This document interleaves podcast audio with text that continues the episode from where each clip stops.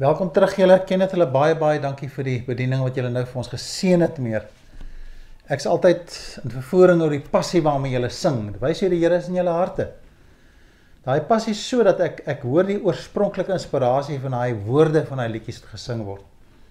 En en baie dankie dat julle vir ons bedien daarmee en ook hoe dat ons ons harte kan voorberei vir hierdie absolute belangrike gesprek rondom die opstanding van die Here Jesus. Maar voor ons aangaan, kom ons bid net saam. Here, ons wil U aanbid as die Vader wat ons baie liefhet. Daar's soveel dankbaarheid in ons harte vir Jesus Christus. En veral Jesus wat hy vir ons die pad geloop het na die kruis en opgestaan het uit die dood uit. Die hoop wat hy vir ons gegee, die krag van die opstanding dat ons kan beleef deur die werking van die Heilige Gees in ons harte. Dankie dierbare Heilige Gees dat U ons reg rig ook. Dat ons kan verstaan wat die skrif sê, wat staan met ons lewens aangaan. Verstaan wat redding is, wat lewe is in die Vader. Daarom eer ons die drie maal heilige God dat ons U lief kan hê met die liefde wat U in ons harte kom plant het en dat U vir ons U vrede gee. Ons is so dankbaar daaroor. Sien ons asseblief as ons geluister na die woordbediening bemoedig mense vir oggend. Ek weet nie wie luister vanmôre nie. Ek weet nie waarmee hulle besig nie. Ek weet nie waar sit hulle nie. Maar seën hulle asseblief. Bid ook baie spesiaal Here dat U vir my verantwoordelik sal maak met die skrif vanoggend. Daar's 'n benoudheid in my hart dat ek sal afwyk van die waarheid en die waardes wat in die woord saamgevat is. Voer ons weg asseblief daar na die graf toe. Daar waar die steen weggerol is daar waar ons U kan sien. Help ons om die lig in te asem. Die angs te kan beleef in daardie oomblik, die verwarring wat daar is. Daar's geen antwoorde nie. Mense is benoud amper soos die tyd waarin ons vandag leef met die pandemie wat rondgaan. Dankie Here dat ons weet na alles bly in beheer. U is die koning van konings ook van ons lewens. So vra ek om genade. Asseblief kom raak ons harte aan as ons op hierdie wyse wil verheerlik, nie net uit die voorlees van die woord nie, maar om te vra dierbare Heilige Gees kom breek hierdie woord op vir ons. Maak dit nuut in ons harte en help ons om U te eer. Amen. Amen. Vriende, voor ons aangaan wil ek baie graag net eers gou die skrif, die die die skriftekste wat ek graag wil gebruik as ankers en ek gaan baie ander tekste ook gebruik. Wil ek daar net graag dit gou-gou vir julle lees voor ek dit afskeep. Ek wil dit Ek wil dit 'n prominente belangrike plek gee wanneer ons die woord lees. Glo hierdie Bybel is die woord van God, geïnspireer deur God. En so deur al die eeue heen met die vertalings heen en die wyse waarop dit vir ons opgeteken is in ons eie taal kan ons dit lees. Hoor ek miskien deur al die misverstande partykeer wat in die woord van die Here is wat mense interpreteer, wan interpreteer, hoor ek die stem van God Ek hoor die meester se stem dwars deur. Vir my kom sê ek het hom nodig. Hy het vir my gesterwe, hy het opgestaan en ek kan 'n nuwe lewe in hom hê. Hierdie gebroke lewe van my kan die Here kom regmaak. Hy maak my die beste pa wat daar is, onthou dit net, hoor. Beste man in my huis. Hy sien die vrouens om die beste te wees in hulle huis. Jong mense is die beste. Jong mense en kinders wat moet uitstaan vir die Here is ons die grootste voorbeeld soos dit die Here liefhet. Maar kom ons lees uit die woord van die Here uit Jesaja 53 vers 11 met verwysing na die opstanding, die graf wat die Here Jesus nie vashou nie. Sê die volgende na sy bitter lyding sal hy weer die lig sien, hy sal die Here ken. My dienaar, die regverdige, sal baie mense regverdig maak. Hy sal die straf van hulle sonde dra, 'n sentrale tema in die skrif. Die verlossing van ons Here Jesus Christus. Die Ou en die Nuwe Testament is gebou daarop om vir ons te kom leer dat dit 'n waarheid is. En dan wil ek baie graag ook lees van Dawid in Handelinge hoofstuk 2 wanneer Petrus hom aanhaal. In die eerste preek wat hy preek na die uh, uitstorting van die Heilige Gees, borrel die Gees en daar's inspirasie. En skielik kom hierdie stukkie inspirasie uit Daar in vers 29 eh, vanaf van hoofstuk 2 van Handelinge lees ons die volgende. As Petrus spreek aan sy broers, wat my voorvader Dawid betref, as hy praat met Dawid, moet ek dit vir dit vir julle duidelik stel. As julle maar nou hoor. Hy het gesterwe en is begrawe en sy graf is nou nog hier by ons. Maar hy was ook 'n profeet en het geweet wat God met sy met die eed aan hom beloof het dat een van sy nakommelinge op sy troon sal sit in vers 33 en vers 31 Daarom het hy die opstanding van Christus vooruitgesien en gesê luister gou hy het dit gesien Hy staan op die oggend God inspireer hom en hy skryf Hy verstaan dalk nie wat hy skryf nie want hy kon die Here Jesus nie sien nie. Hy het nie geweet wat gebeur te kruis en die opstanding nie. Hy verstaan dit nie. Maar hy skryf dit as 'n geïnspireerde woord van God. En nou kom Petrus en hy sê luister broers, hierdie word nou waar. Dis nou hier nou. Hy sê hy is nie aan die doodryk oorgelaat nie en sy liggaam het nie vergaan nie. Psalm 16 vers 10 wat hier aangehaal word. God het hierdie Jesus uit die dood laat opstaan Daarvan ons is almal getuies. Hy is verhoog aan die regterhand van God en hy het die Heilige Gees wat beloof is wat hy van die Vader ontvang en uitgestort. Hy sê dit is wat julle nou sien en hoor. Tyd waar hulle herinner word rondom die opstanding van Christus. En daar is baie verduidelikings wat hierna dan ook plaasgevind het. Jy moet gaan kyk hoe Paulus swaar gekry het in Handelinge as homself vir die Here voor die konings en voor die Sanhedrin en die skrifgeleerdes en die fariseërs. Hulle luister graag na hom en hy praat oor Jesus want Jesus mos nou dood volgens hulle. Maar wanneer hy praat oor die opstanding raak hulle beserk een van daai manne sê jy beweeg my byna om 'n Christen te wees en Paulus sê vir my ek wens jy was soos ek maar net sonder hierdie boeye so jy verstaan waaroor hierdie dinge gaan toe Paulus veral verwys na die opstanding van Jesus so 3 dae het verloop toe wanneer Johannes het ons ingelei met die kruisiging Vrydag het Jesus is hy gekruisig. Jesus het gesterf op daai Vrydag. En Jesus word begrawe daai Vrydag. As 'n aanloop na die opstanding. Vir sy mense was dit 'n geweldige traumatiese ondervinding. Ek dink as daar beraders in daai tyd was, was hulle baie besig geweest en almal wat verwilderd is. Ek kan maar net dink aan sy familie en sy ma en die disippels wat so vrees bevange is, hulle sien hoe sterf hy. Sommige het nie eens gesien hulle weggehardloop Veral sy moeder kry baie swaar.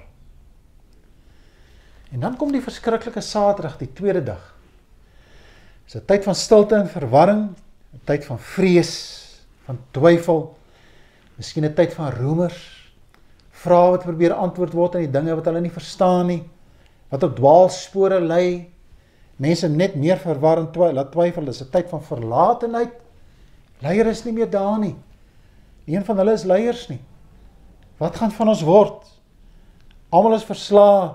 Sy mense hom verlaat. En Petrus het hom ook verloon iewers.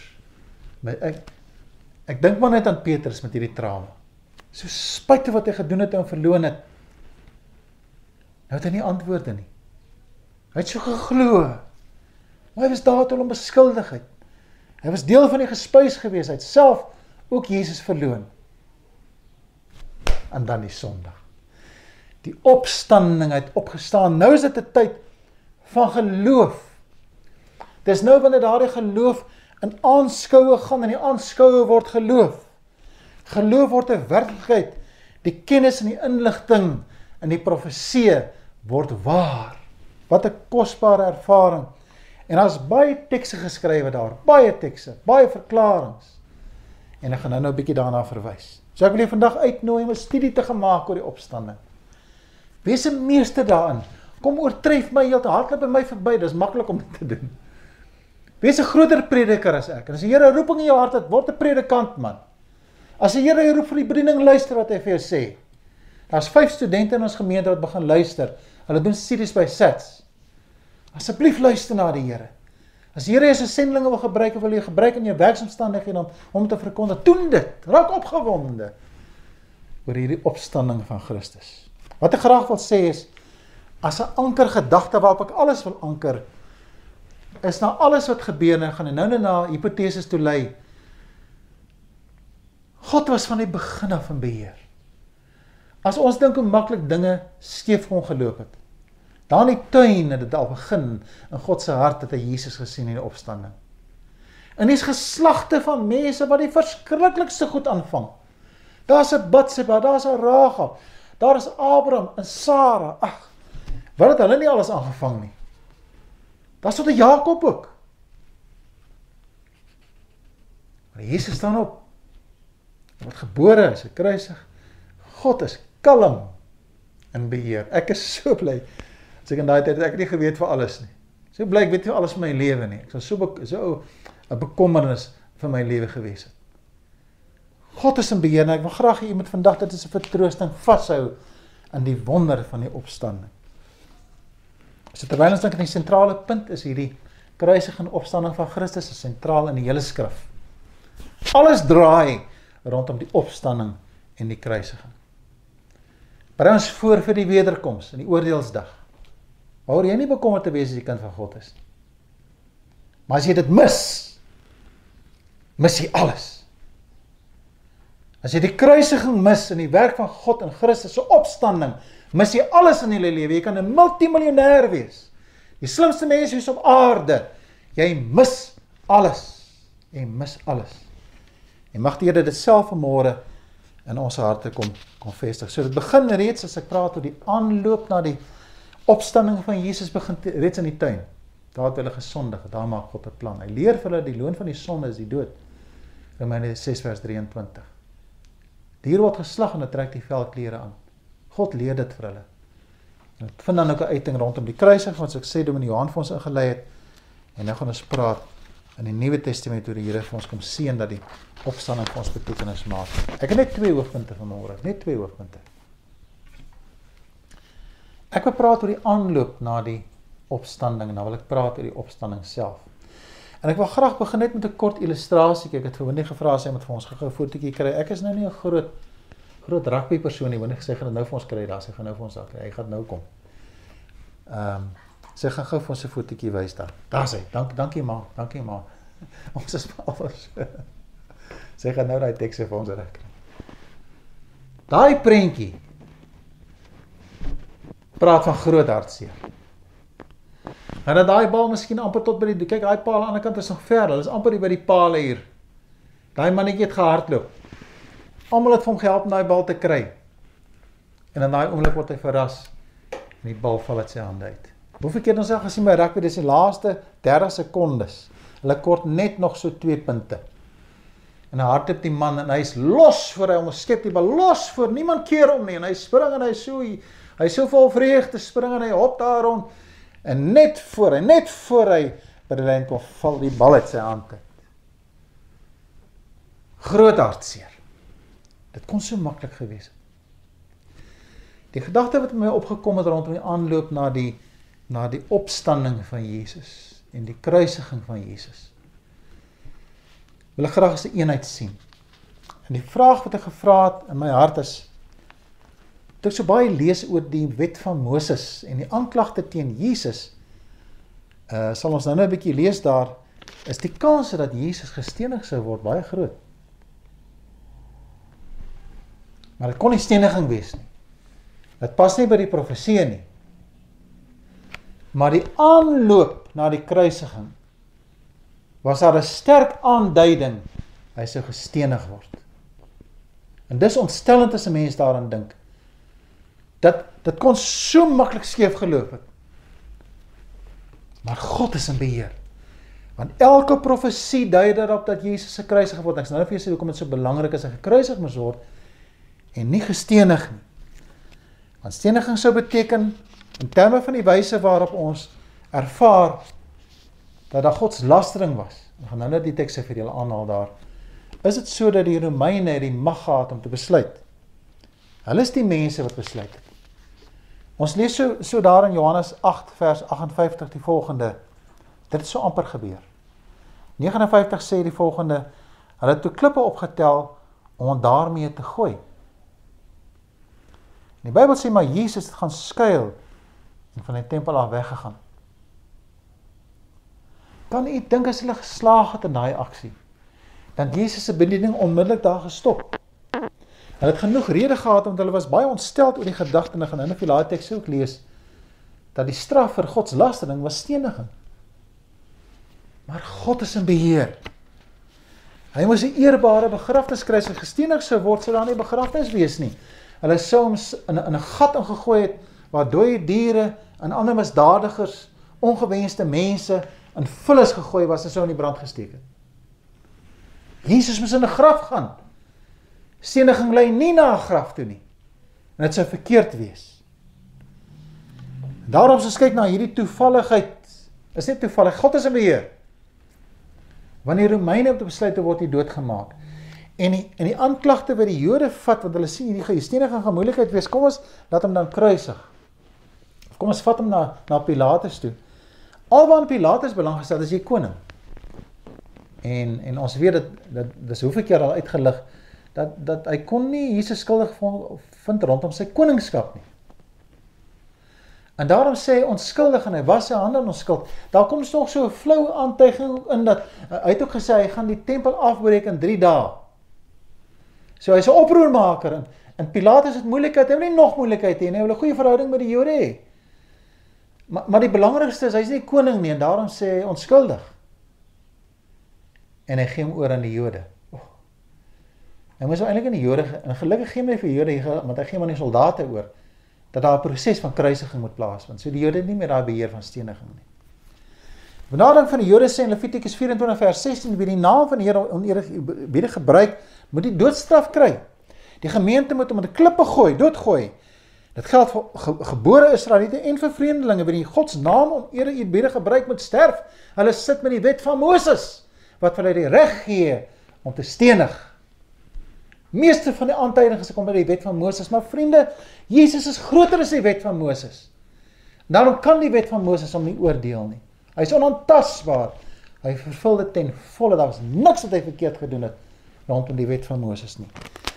Deuteronomium 21 vers 22 tot 23 sê wanneer iemand tereggestel word met vir 'n oortreding wat die doodstraf verdien en jy hou hom met 'n paal op, mag sy lijk nie in die nag daarin bly hang nie.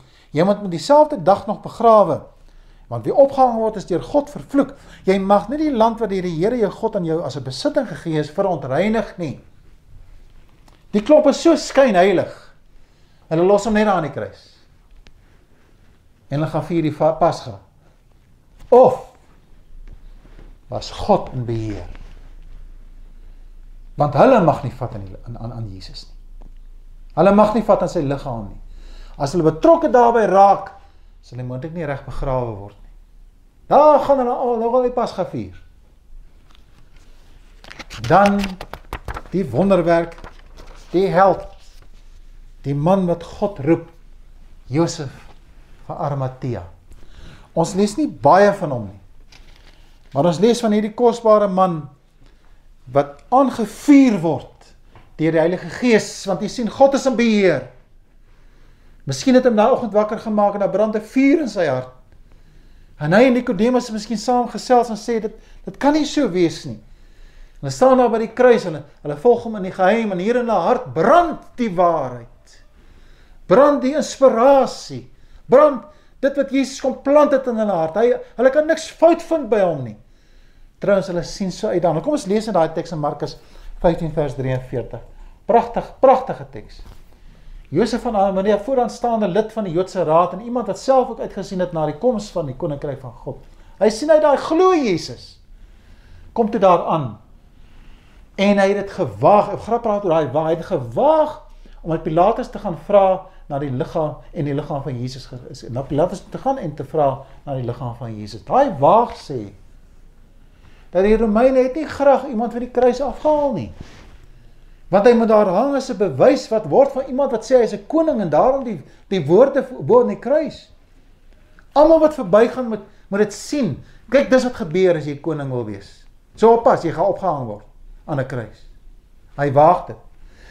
So so Pilatus hoef dit nie te doen nie, maar luister gou mooi hierso. God werk reeds in Pilatus se hart in die verhoor van Jesus. Lees 'n bietjie in Pilatus. Ons sê hy's lamsakkig man. Hy moes Jesus hy moes hom onskuldig verklaar het. Hy kan niks verkeerd sien om sy vrou praat met hom. Al dit wat hy doen wat weet hy is verkeerd. Hy weet dit is nie reg nie. Kom God en hy skep 'n empatie in daai. Ek glo hy empatie in Pilatus se hart geskep. Hy het so gesoek na uitweg en toe hierdie manne kom en vra, het hy dadelik gereageer. Kom ons lees gou verder daar. Pilatus was verbaas om te hoor dat hy al dood is. Let wel, Hy fokus op Jesus. Ander mense wat hang aan die kruis, hy hy voel vere vir hulle. Wat daai manne kom en sê Jesus is dood, is hy verbaas. Want hy wag vir die inligting. Hy die offisier later hom gevra of Jesus lankal gesterf het en die offisier het verneem dat dit wel so is, het hy die lijk aan Jesus aan aan Josef gegee. Josef het 'n linne gekoop, Jesus van die kruis afgehaal en hom in linge toegedraai en neergelê in 'n graf wat aan rots uitgekap is. En dit het 'n klip voor die ingang van die graf gerol.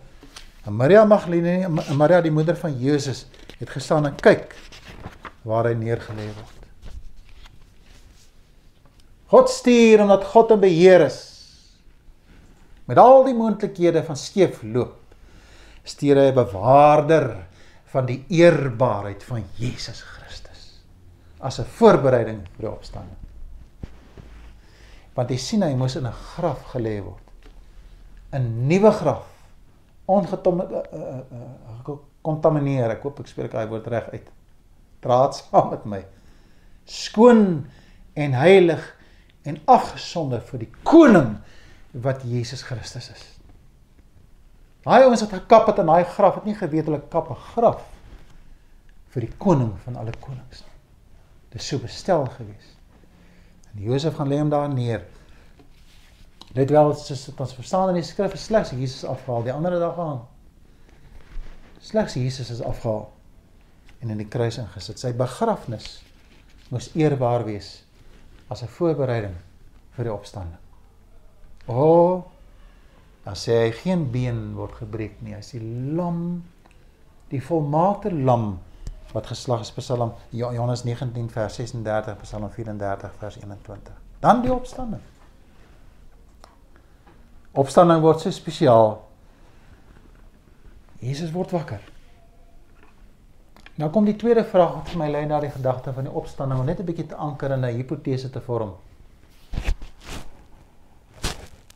Niemand het geglo nie. Ons lees van Maria wat nie geglo het Markus 16 vers 1 toe dit Saterdag verby was het Maria Magdalena en Maria die ma van Jakobus en Salome reukolie gekoop en die liggaam daarmee gebalsem. Hulle balsem hom omdat hulle nie geglo het dat hy gaan opstaan nie.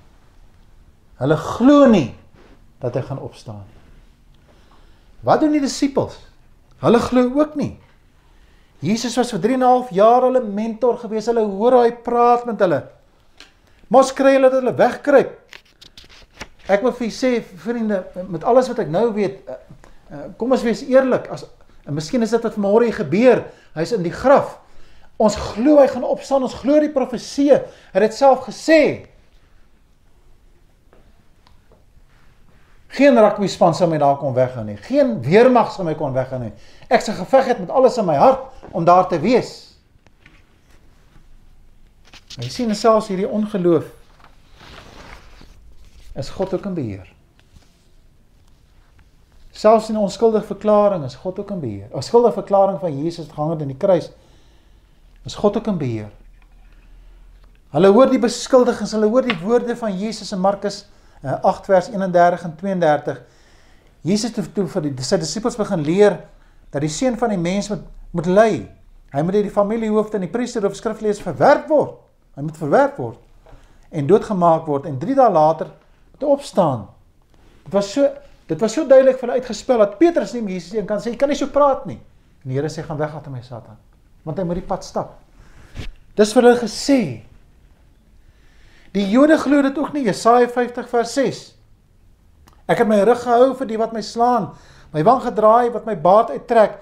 Ek het my gesig nie weggedraai toe ek bespot en bespoeg is nie. As as jy die woord geken het, soos die Jode die woord geken het en verlang uitgesien het na Jesus.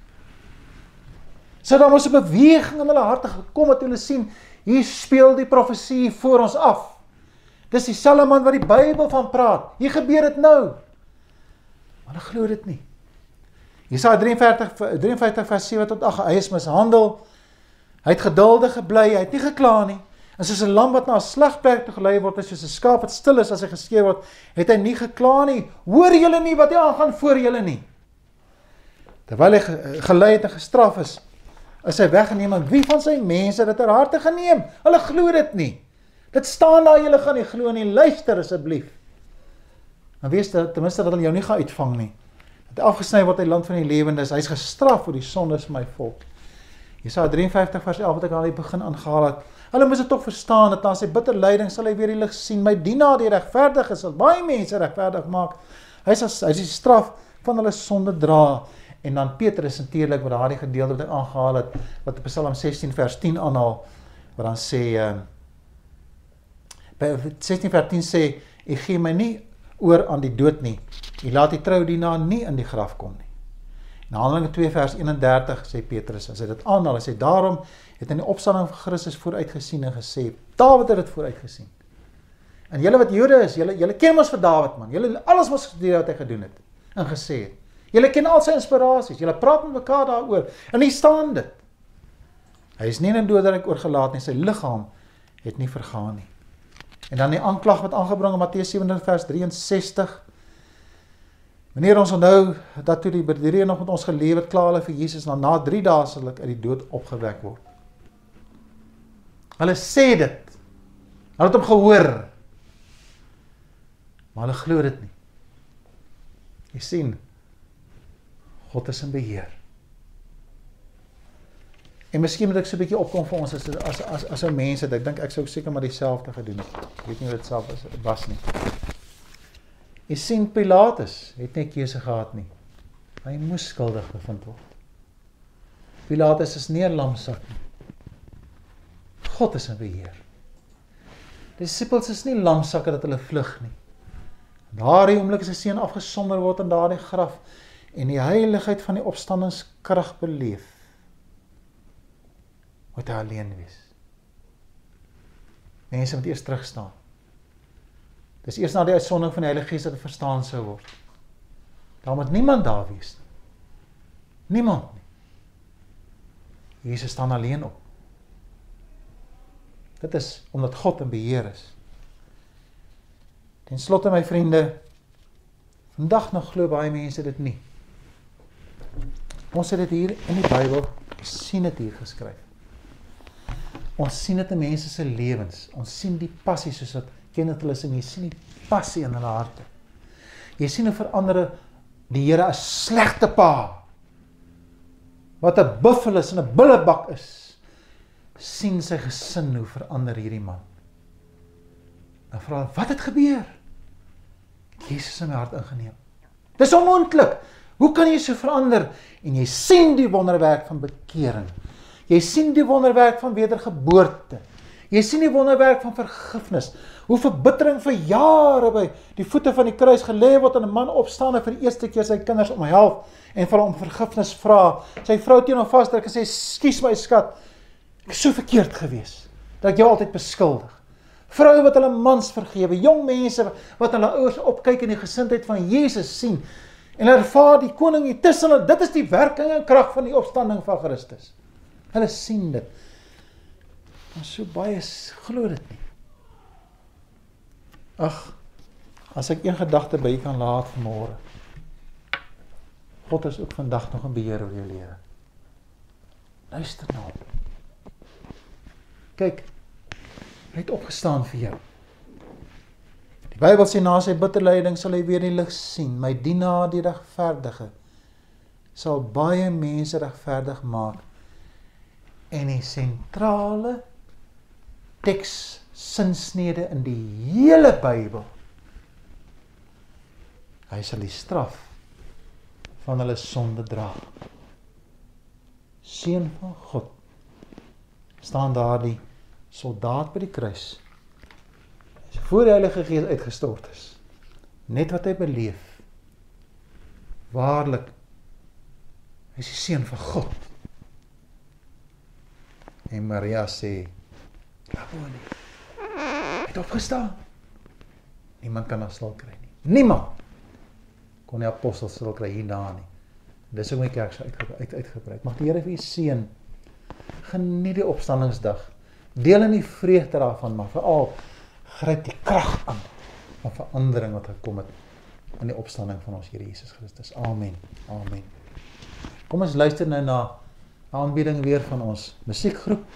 Kom ons aanbid die Here met daai kosbare lied. Ons geniet dit. Sing dit uit volle bors. Kom ons sing dit as verreëse saam met die Here Jesus opgestaande kinders van God in die belofte van die krag van die opstanding. Kom ons sing daai lied saam. Dankie Kenneth jou.